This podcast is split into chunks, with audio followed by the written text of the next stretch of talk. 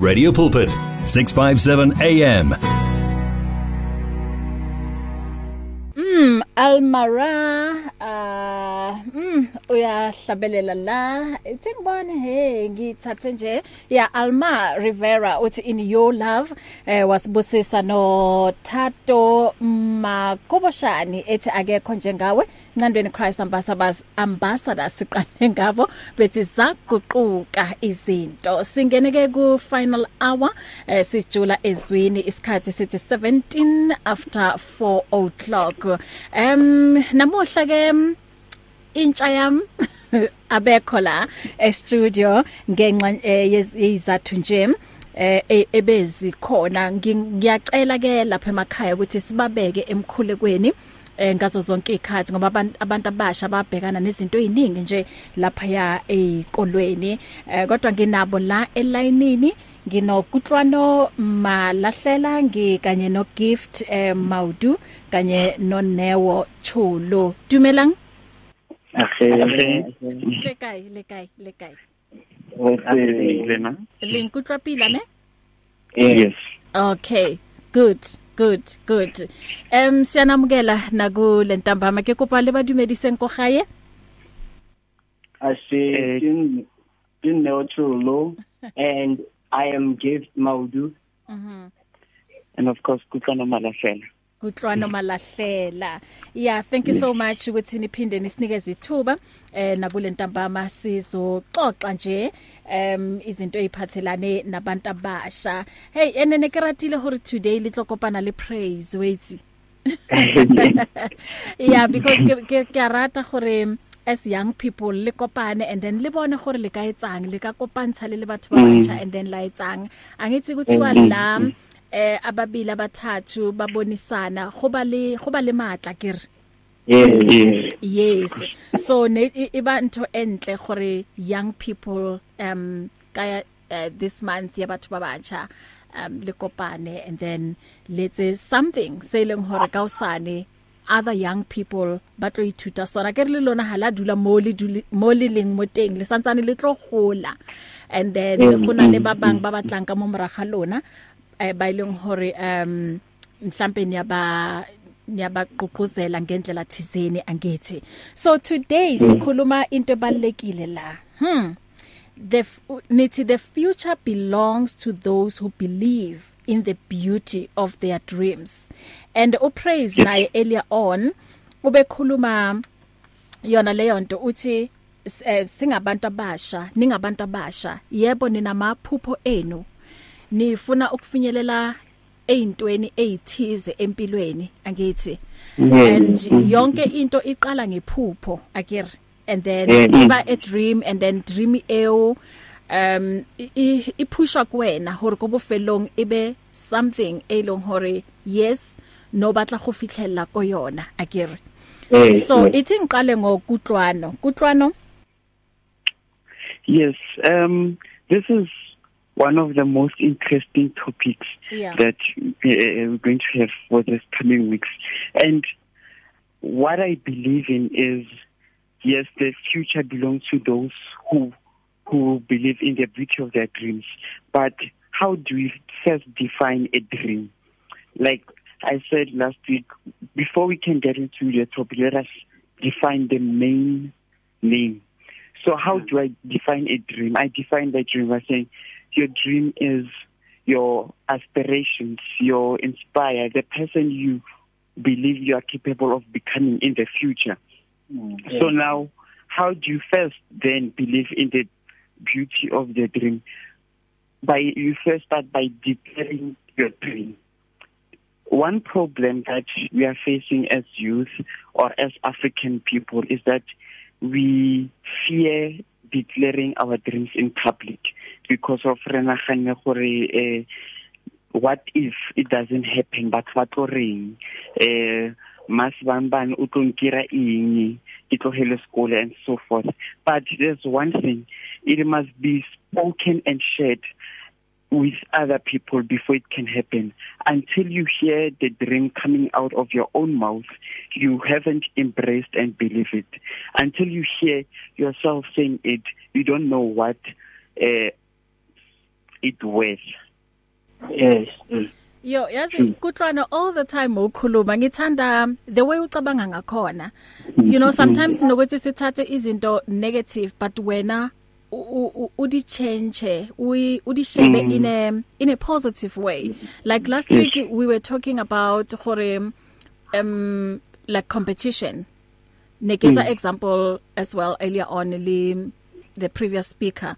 Ukuthi uthi no there's nothing wrong he ka re le batho le compete as long as in a healthy a healthy competition. Or maybe o gona le motho wa go inspire ka something and then le wena o batla go etsa the same thing what there's nothing wrong as long as isana taba hore no ke batla go mo beat ke nya go montsha hore na I'm better mm. than yena. Wa go inspire and then le wena maybe ke something selling hore it was your dream o ke something se nentse o nagana go se etsa. So o mmone motho ona wa yetsa ntweo then o ithuta ko yena wa bona. Ebe like now lwena inna ka re o phela your dream because ke ntho e leng hore yes nentse o batla go go go yetsa so um hona yanong why i'm saying that ukhuluma indaba yokuthi um re le batho hangata re o sa bua dilo tsa gago before di etsagala.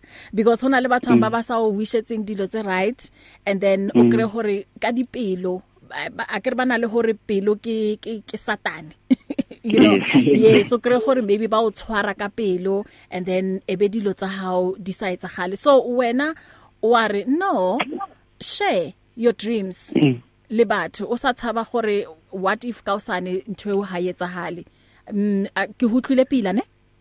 Yeah.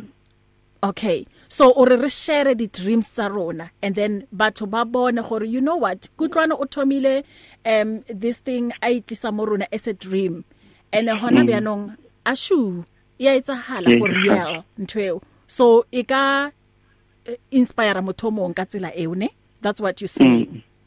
Mm. Mm mhm okay i see and, as okay. mhm and again what i've realized ko hore uh, we rush into seeing our dreams unfold. Mm. the reason sometimes as gore batho ba tshwere ka pelo. It is because of ojahile mm -hmm. ojahile o nyaka bona the end result of your hard work or what you put into. No dream will grow in rush circumstances. Everything mm -hmm. has its own time. Dreamers require time. Whatever you sow grows.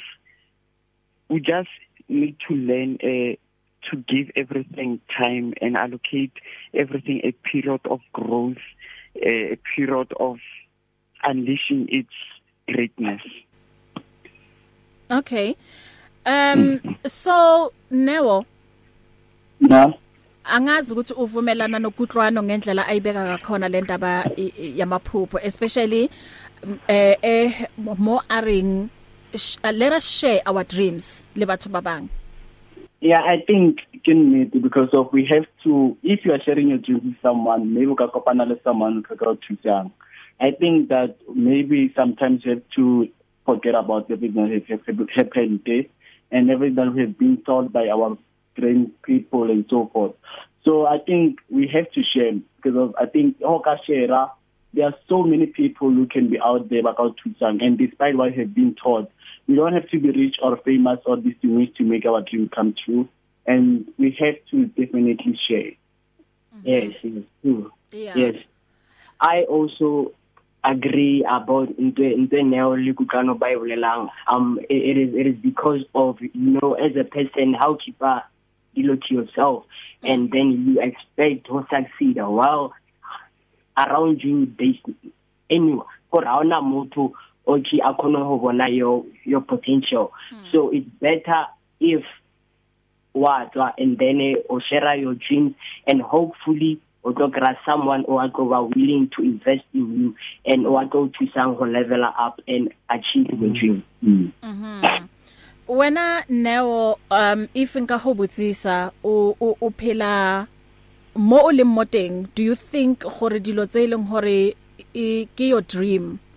Di a etsagala or o phela your dream uh, I, I don't think hore like, like right now phela dream ya ka but I'm I'm on that step of getting there because of turning my dreams to reality. Right now I'm working on the process ya go fitlha gona or to make my dreams be reality. So I don't think hore ke live my dream right now, but I'm living the version of my dream. Mhm. What are your dreams? My dream. Mm. my dream is to become I, I think dream is to become one of the most prominent person on the world because I don't think hore as a young boy I want to be the town the township boy for the rest of my life. So I want to make sure hore I become the best advocate and also become the best person to be people's boy. So nonso lora hore um Neo itloba an author and um cause kunezinto eziningi ozenzayo khona manje especially esibhekane ne youth so ngamanye amaphupho akho ekade unawo ukuthi o batla go ipona o thusa other young people o batla go kwala dibuka tse leng hore um ba tlo ithuta something mo tsona I don't think a ke nagane hore I ever thought hore ke tlo ba an author but mm. as we know hore sometimes we don't have to think but le tsare le dream tsa rena di be just small you have to Yeah. dream big yeah so the moment opportunity ya go ba author e fitla i took it and make sure hore I decide to be an author and ke decide hore I'm going to be involved in community. Mm. that's when I know hore this is my dream and I have been waiting for this kind of opportunities so I think that's how it should be. Like never limit yourself. Go beyond measures. Uh, tell us more ka taba ya hao ya go felletsa o kwala. Go go thomile yang? Go tsagetseng Oh, Tabaka Kwala, I wrote some, I think, I don't think it's book, but I wrote some document, then mm. I, I share on my contact list. Then it reached to Kutano Malakela Kamo WhatsApp. Then I send like this other guy, which is Mr. Tokelo Tlagala. Then Tokelo Tlagala and send a message and put hore, otompa opportunity on one book, a publisher, and make it official book. So I think that's when my journey started because of Kutlano Osherile my things. That's why I say hore you have to share your dreams with people because of awitse hore ke maka o thusang. yeah. Mm, mm, mm, that's true. Um gift Yes, wena ke eng di dreams tsa hao? O Well, o gola nje ne leng di dreams tsa hao? Okay, in na ha ke in hola. o sa gola why ke re yeah. Okay ere ere ere ere taba ya ka nna ke thome fatshe well ha ke sa hola nako la ke sa lo monyane my dream was to become a professional soccer player. So yeah ke embakile at the journey and then imfikiste hona mo imfikiste yeah and then i decided to stop and focus on my own things so hona no so my dream and my passion is to help each and every single individual.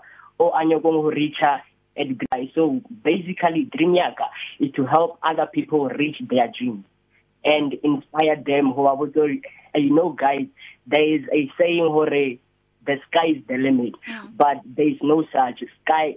Bo there is no limit. You can actually go beyond your limit and always always reach for the stars target wow. for the stars always wow. Wow, yes. wow, wow. I love that. I love that. Um Kutlwano Yes, yes. Wena di dreams tsa hao nailing o ke eng?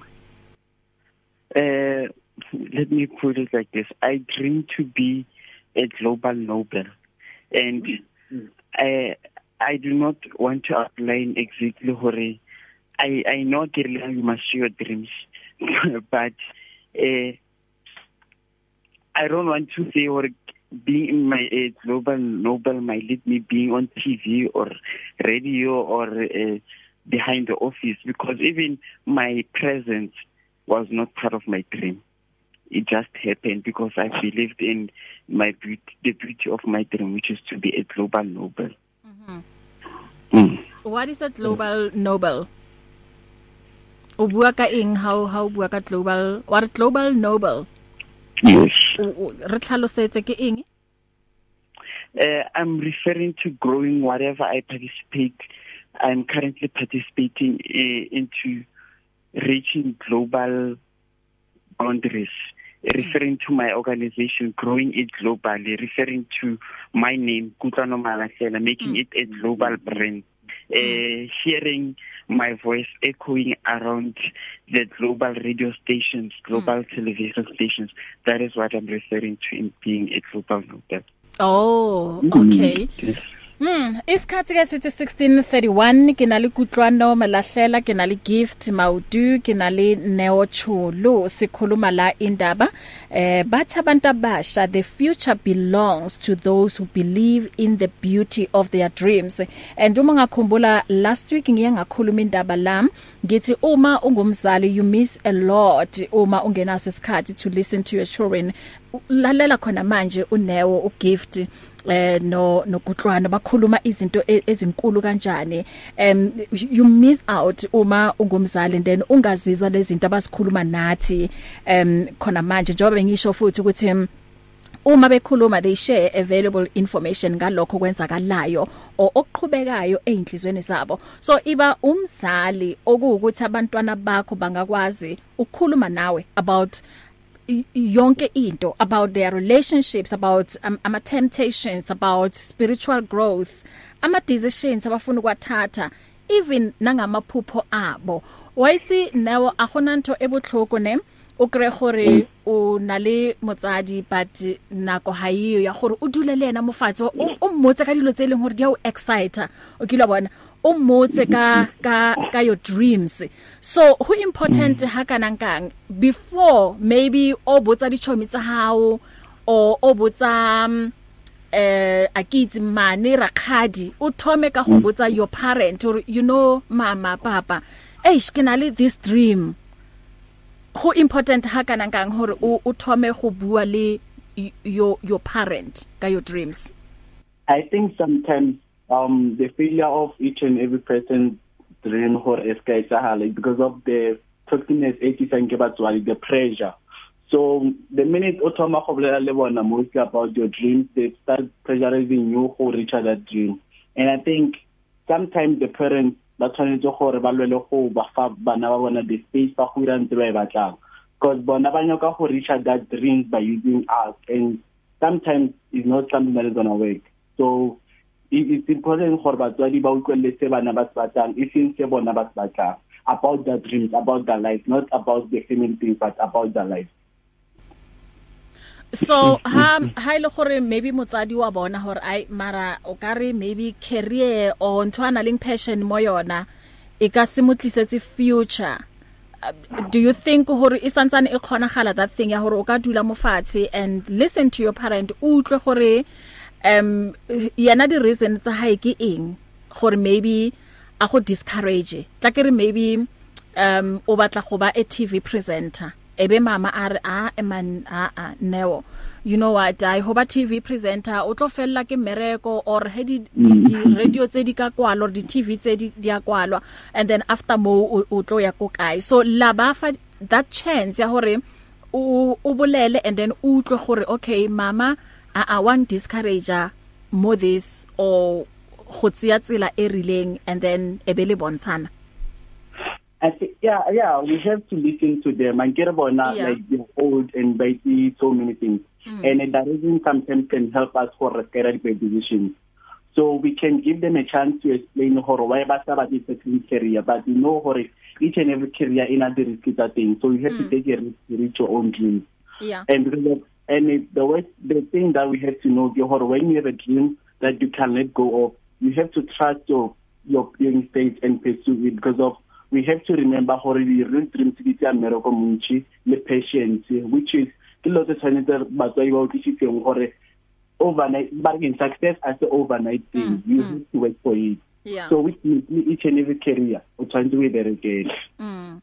Um gift do you think gore yeah. sometimes batsadi ba na le go etsa phoso ya gore ba batle go phela dream ya bona through wena as o lengwana Yes yes. I I I think it's actually true. It is because of hona no honga lebella hanchi um if if ngwana hanka botsa e motswadi gore okay re dire example. If ngwana nga botsa motswadi gore mama I want to be an actor hore a soccer player. O tlo mmotsa ra e wena it's risky ngeng ha e patele stuff like that. Mara i believe hore hore hore pila pila if motswadi a decide go te potsa gore okay nna nako ka ke phetse e fetile. E re e re go utlwelle gore ngwanaka a reng? And then ke mo support by all means.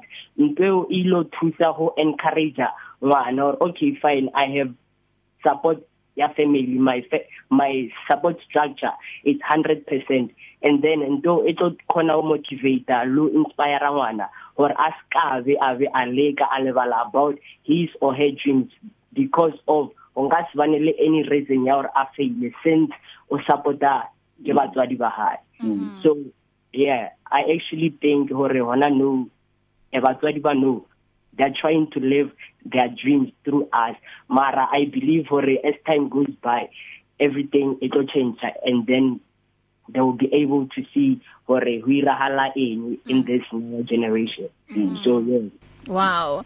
Um isikhathi sithi 1637 sikhuluma la indaba si uh, abantu abasha bathi the future belongs to those who believe in the beauty of their dreams. Kutlwano Mm. Um hangata ke eng ntho e challenging e tsang gore young people ba sa khona go phela their dreams or ba sa khone go fitlhella go di torong tsa bona.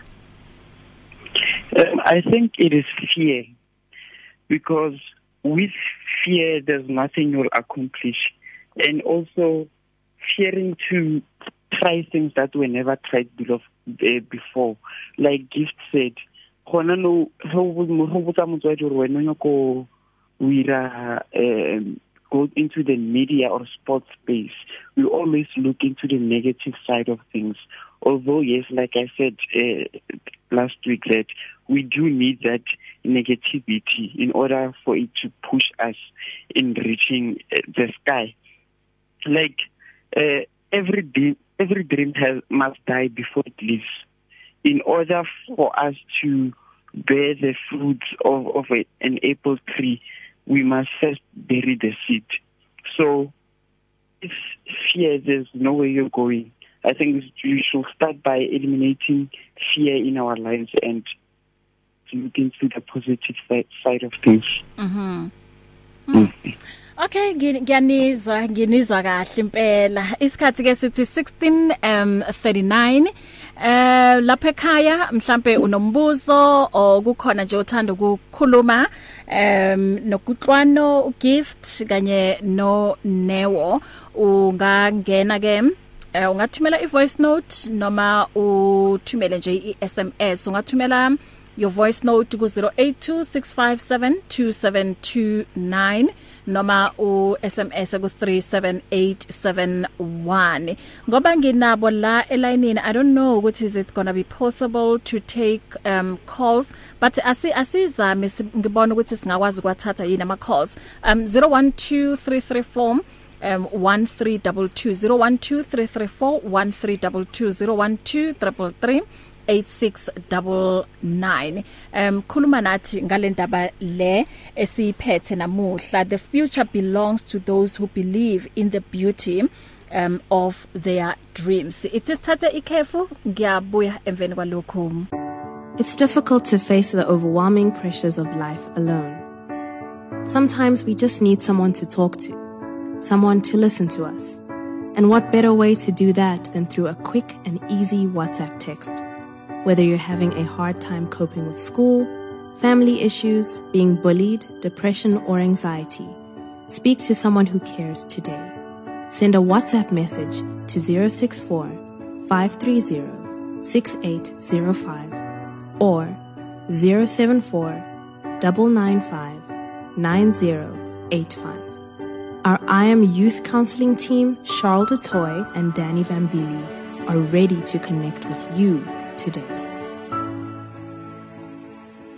At Radio Pulpit, we love the interaction we have with our listeners on all the social media platforms. It is also our way of giving everyone a voice that can be heard all over the world.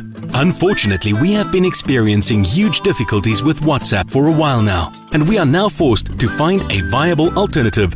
That alternative is called Telegram. Telegram is an app that works exactly the same as WhatsApp and it uses the same telephone number as well. All you need to do to be able to chat with your favorite presenter is to download the Telegram app onto your phone and send your message or voice note the same way you always did. We will then be able to receive and answer your message faster and the privacy on this app is much better too. So, whether you have an iPhone or an Android, the app pic is a white paper plane in a blue circle. Please download the Telegram app right away and make life easier for everyone. Discover an abundance of life. 657 AM. 1641 um sisaqhubekile la sixoxa indaba um the future belongs to those who believe in the beauty of their dreams. What's your take wena kule ndaba? Um ya yamaphupho ukuthi um singabantu siba nawo yebo amaphupho. Abanye bayakwazi ukufinyelela kuona abanye uthola ukuthi ke kubanzima um sawubona semoyeni? Sawubona bahle yebo baba. Neyouth lapho e-studio amen. Balalele. Eh ngithi bahle banesupporto eningi abantu abancane. Manje mabangayisebenzisi le isupporto ngoba bayithola both side ebazalini nezwe leyabanikeza i-chance uthi eh sebenzisani le chance elinayo. Uyabona bahle? Eh mara into important bahle mina ngibona ngathi umuntu mangaya esikoleni into angaphumelela. Mara mawungayi esikoleni uthi ufuna ukuthatha ama chance just because wena umncane eh usasenesikhathi sinesikhathi ungaloza. Into important umntwana makayi esikoleni uzophumelela. Siyababona abantwana abani abayile esikoleni baphumelele kahle. Okay. Siyakuzwa baba baye esikoleni abafundi. Eh baye esikoleni basi. Bagijimisa amaphupho kodwa ke kube ukuthi bayafunda.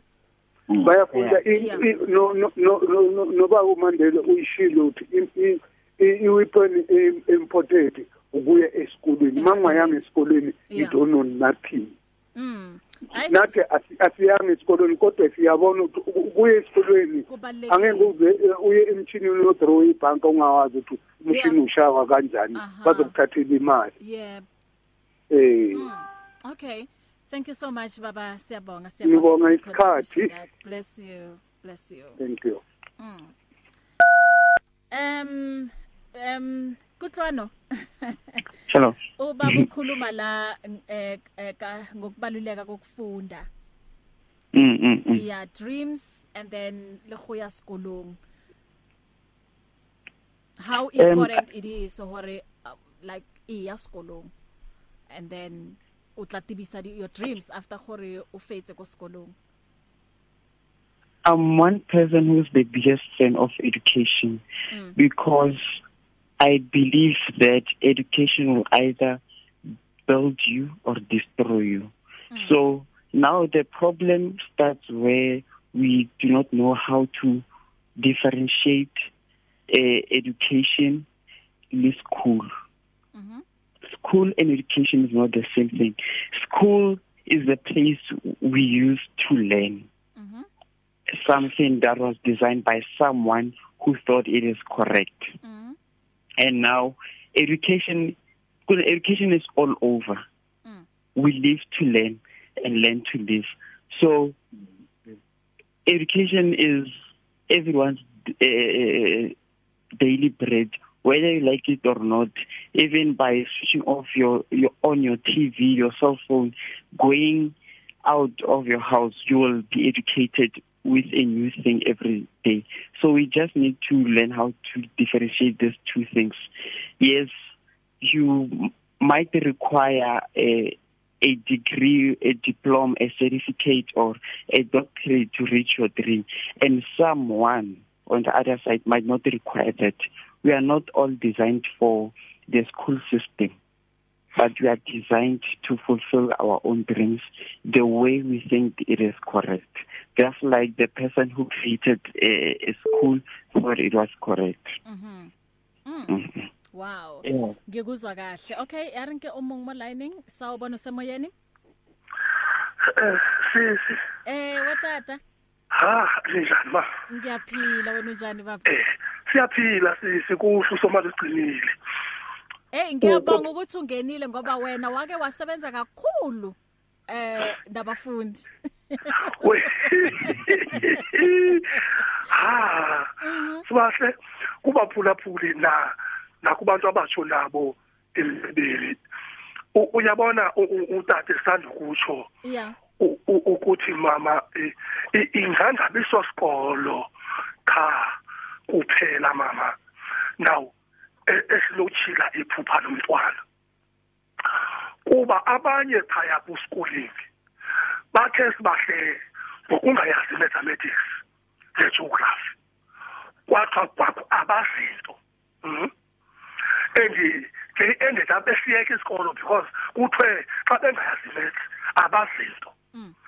Kanti sibahle iphupha labo alingamenanga emathematics okanye imaths mayibe khona kodwa ilingane ingqondo yakhe. Ngamanye amagama sibahle siya kwenye nje into ethi uya niyabona bobhuti xa ngaba besinokhe sinamathele kakuhlapha kuthixo.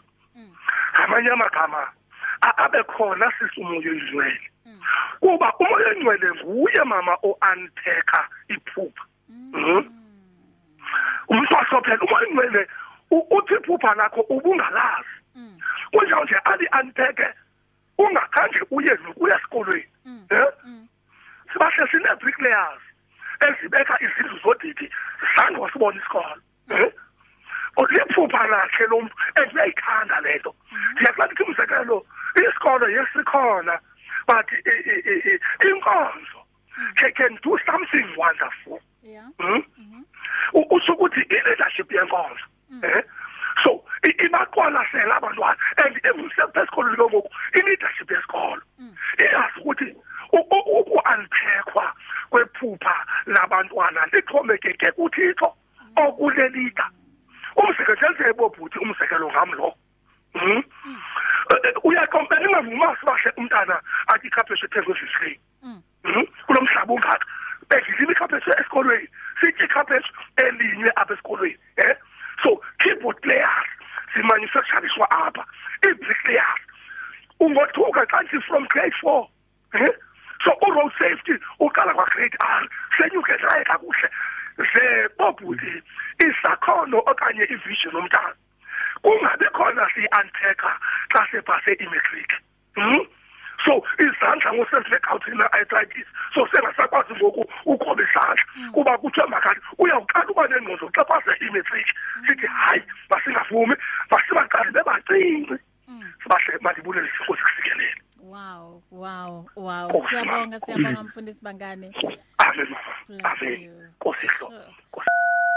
Yeah, 16 um 49 ke na le kutlwano ke na le Chifiwa Maudu no Neo Khosiame Chulo eh sekhuluma la udaba the future belongs to those who believe in the beauty of their dreams.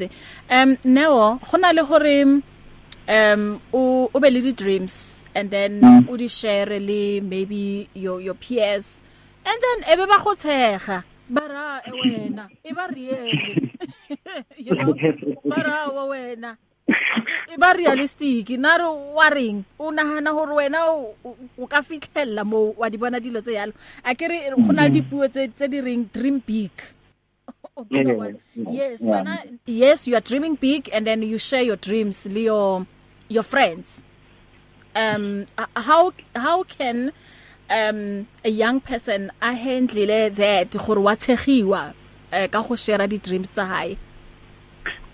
See even back and I think sometimes loho kaluja that friendship is is a good thing because like the people that are le bona they have to make sure about inspire and ba khona go support so let's say none no no so kere ke no kopana le Steve Harvey mam le Steve Harvey just so ke na Steve Harvey mam then the Yeah. people that hey then you see her mana mo mona man these people are dreamy the way I do Yeah. so you don't have to limit your imagination to how people are seeing your imagination. So when as a person was kati kirang ka lwana you are small than the way than the way bona balemi mm. you're the big person and you know hore as wena ona le patient and ona le that thing that courage to do that you can be able to meet your dreams and turn them to reality. Yeah. Yeah. Okay. So, so he bathoma bawuthega it means or batho ba abayiboni into eyibonanga batho ba man like ke bana le lenyakonyana you have to make sure gore o mm. bereka thata gore ba keng ba respect the end of the day. Mhm yes to add on top of that yes i believe for for for the future it belongs to those who equip positive and bold personalities. Yeah.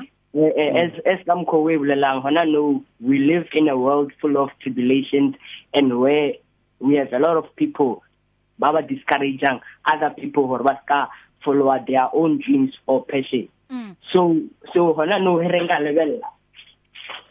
Um most people prefer searching for less whereas they can do even more bigger and marvelous things and you know there is a code aka ring and i quote now if you can make a single dollar you mm. can make a million more ntweki era researching for less mm. it should not be an option to someone o analeng a bargain at the future goals mm. and then as a person hona le di qualities tse o tsantsoreng o di obtain in order for you to follow your dreams and o kgone go di fitlhella as now the way a boletseng o tshwantse gore o be bold o be courageous as well and over an assertive person as well as an optimist an optimistic person mm. for the future mm. so yeah um mm.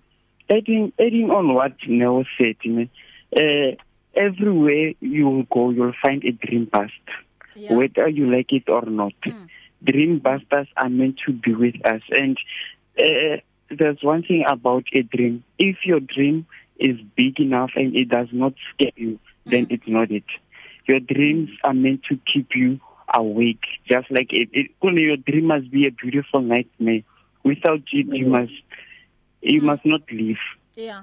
The dream busters are going to be there. And in most cases your dream buster might be your family your close friend your a, a classmate. But if your dream doesn't make you look like a fool then it is not big enough.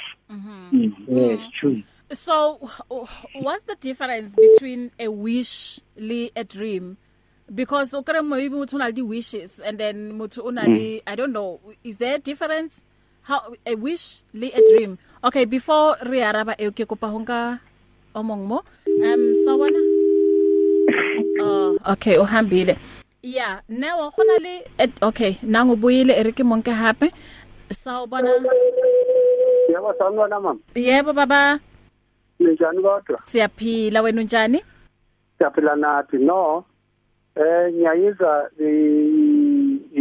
abantwana bakhuluma lapha ngendaba yokufulfill ama dreams ukuthi they must keep it beautiful. Yakuzwa mama? Yakuzwa baba?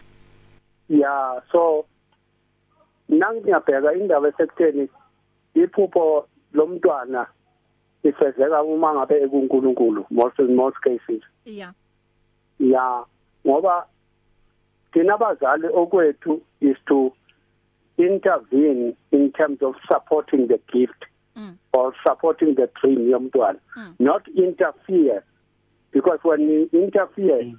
You might disturb a calling yomntwana mm. uNkulunkulu ambizele yona mm.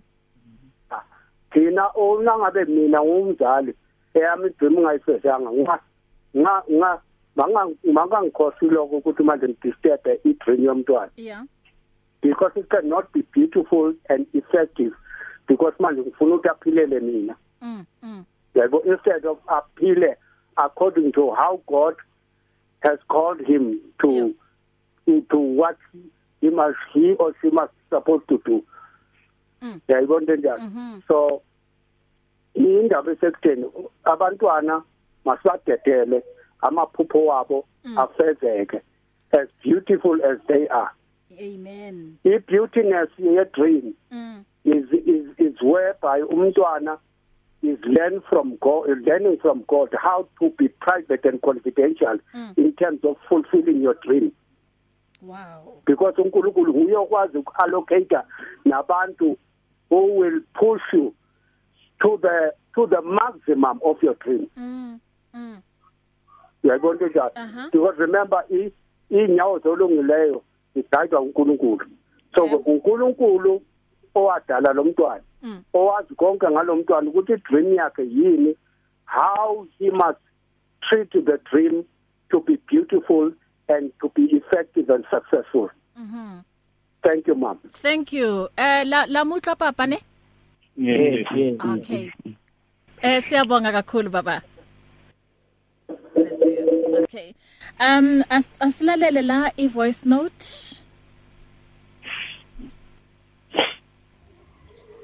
Nkosazana siyabingelela sibingelela bonke abalaleli beradio pulpit umsakazo wethi indzaba letitfokotisako manje ke encwadini kaTimothy yokucala sahluko sesine ivesi leshumi nane lithi libhayibheli ungasikhohlwa isiphiwo lesikuwe Eh manje kuya ngokukhuluma kwabantu labaningi. eBhayibheli esiPutukezi now dispreza kusho ukuthi ngalithathele phansi lesiphiwo lesikuwe lesi. Ngokuba isiphiwo siyasithatheleke phansi kanjani? Uma sewudibana netinkalakada leli letinkulu leti netiphiwo letikhulu. Sewuzawa mina ngiyini mina pho. Ah kuyini mina kanjalo. Kodwa la kuwe kunesiphiwo. leso siphiwe ngokubekwa uTimothy unesiphiwo lesasiphiwe ngokubekwa kwetandla lapho ku- kuneliphupho lelo liphuphile uyabona lezo zinto leliphupho nesiphiwa akuhamba kushabalali lokuhlala kusemuntwini. Manje ke ubaba usilinde wangibeka tandla ukuthi lo moya kaNkuluNkulu lo ungisebenzise ngomnyaka ka1986 ngabe ke sewumoya ungitshela ukuthi hamba usebenze emishini ke ngaye mishi kule kule mishini enkulu baba silinda kasekho phela. Laba- mhlamba abasachube ngendlela kababa le bechuba ngayo kamoya. Manje ke uma ngifika lapha vele leti nkalakada besithi icalile ifoundation yato yokuthi tingasebenzi ngemoya kaNkuluNkulu. Uma ngifika lena ke ngimile lapha yana babuta lomunye umfundisi ubuta sesimaria simile nosesimaria la. Uthi sesimaria athi bahode athi abantu bangayima kokolana athi ranti romon akumufundisi. Athi hawu exikwembu xo ufeliwa bafundisi ukuze xi nga teka munhu wa ku tani xi mu endla mfundisi uyabona le nkulumo le va tokutolikela labanye ukuthi angeke ngikhona ukuyichaza ngenxa yesikhathi. Ngitawubana amameniti amaningi la. Manje-ke isiza uma seyidibane nalabaprofethi abakhulu uma seyidibane netinkalakala leti sebenza ngetingilozi manje-ke leti tikamoya omubi leti manje ufe kona sewutithathele phansi. Neliphupho lakuthi uyosebenza ku-tv li- li- libe seliyashabalala neliphupho lakuthi uyosebenza kuredio ube radio president libe seliyashabalala nesiphiwo sakho sokuthi ube ngumfundisi selibe sesiyashabalala. Uyabona mina ngizange ngasibuyele emuva ngaya phambili. Ngize ngafi ngobe nginephupho ngabo-1986 kuze ngifuna ukusebenza ngikhulume kuredio indakuseni vulavula ka redio sweswi ixitichi xa mahungu lamanene i radio pulpit umsaka uthetha indzaba letokota khani mapho kosazana Kalimambo. Eish.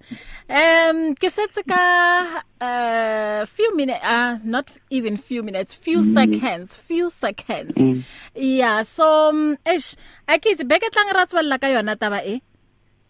yes yes Ratswella pele ka yona. Okay, so a re bele next week um question ya ka ya hore what's the difference between a wish and a dream um because isikhathi asekho ne Um waitse ke ratile mtate before this voice note onare here le batsadi let us intervene not interfere le di dreams tsa bana ba rona. So kutlwano in closing? Uh, in closure i will say uh, let us give our dreams time. Mm. dreams require, require time and rushing them they won't be closing. Them yeah. Um gift? Mm -hmm. Um i believe for okay fine as a person for or reach your dreams start now the work start now. It mm. doesn't matter your age or or tsofete romoholo it is never too late. Mhm mm. never um life is about positive and negative choices that you have to make as a person and a dream is just a dream but it's up to you to make it that like as a person. Wow. Wow. Powerful. Are kopaneng gape next week akere? Yes, yes. okay le ka share di number tsa lona tsa WhatsApp ka pela? 0679821511 gaga is 0814643130 okay kutlwano on 0747115696 okay bless you. Ar kopaneng gape next week. Thank you. Thank you thank you. It's difficult to face the overwhelming pressures of life alone. Sometimes we just need someone to talk to, someone to listen to us. And what better way to do that than through a quick and easy WhatsApp text? Whether you're having a hard time coping with school, family issues, being bullied, depression, or anxiety, speak to someone who cares today. Send a WhatsApp message to 064 530 6805 or 074 995 9085. Our I Am Youth Counseling team, Charles DeToy and Danny Vambili, are ready to connect with you today. Did you know you can order your favorite Radio Pulpit programs on CD so that you can listen to them whenever you like? Contact our friendly client services department now to place your order. You will find them on 012 334 1200 657 AM, your daily companion. Reach your customers in the car, at the office, at home, or wherever they are, night or day. Through advertising with Radio Pulpit, you can reach a large, unique, and loyal audience in a most affordable way. With over 500,000 people on our various platforms, from Gauteng to the Cape, you simply cannot go wrong. So advertise today. Contact us on 012 334 1339 or for advertising packages that we offer, go to www.radiopulpit.co.za. Terms and conditions apply. You and 657 AM and life, a winning team on the road to eternity.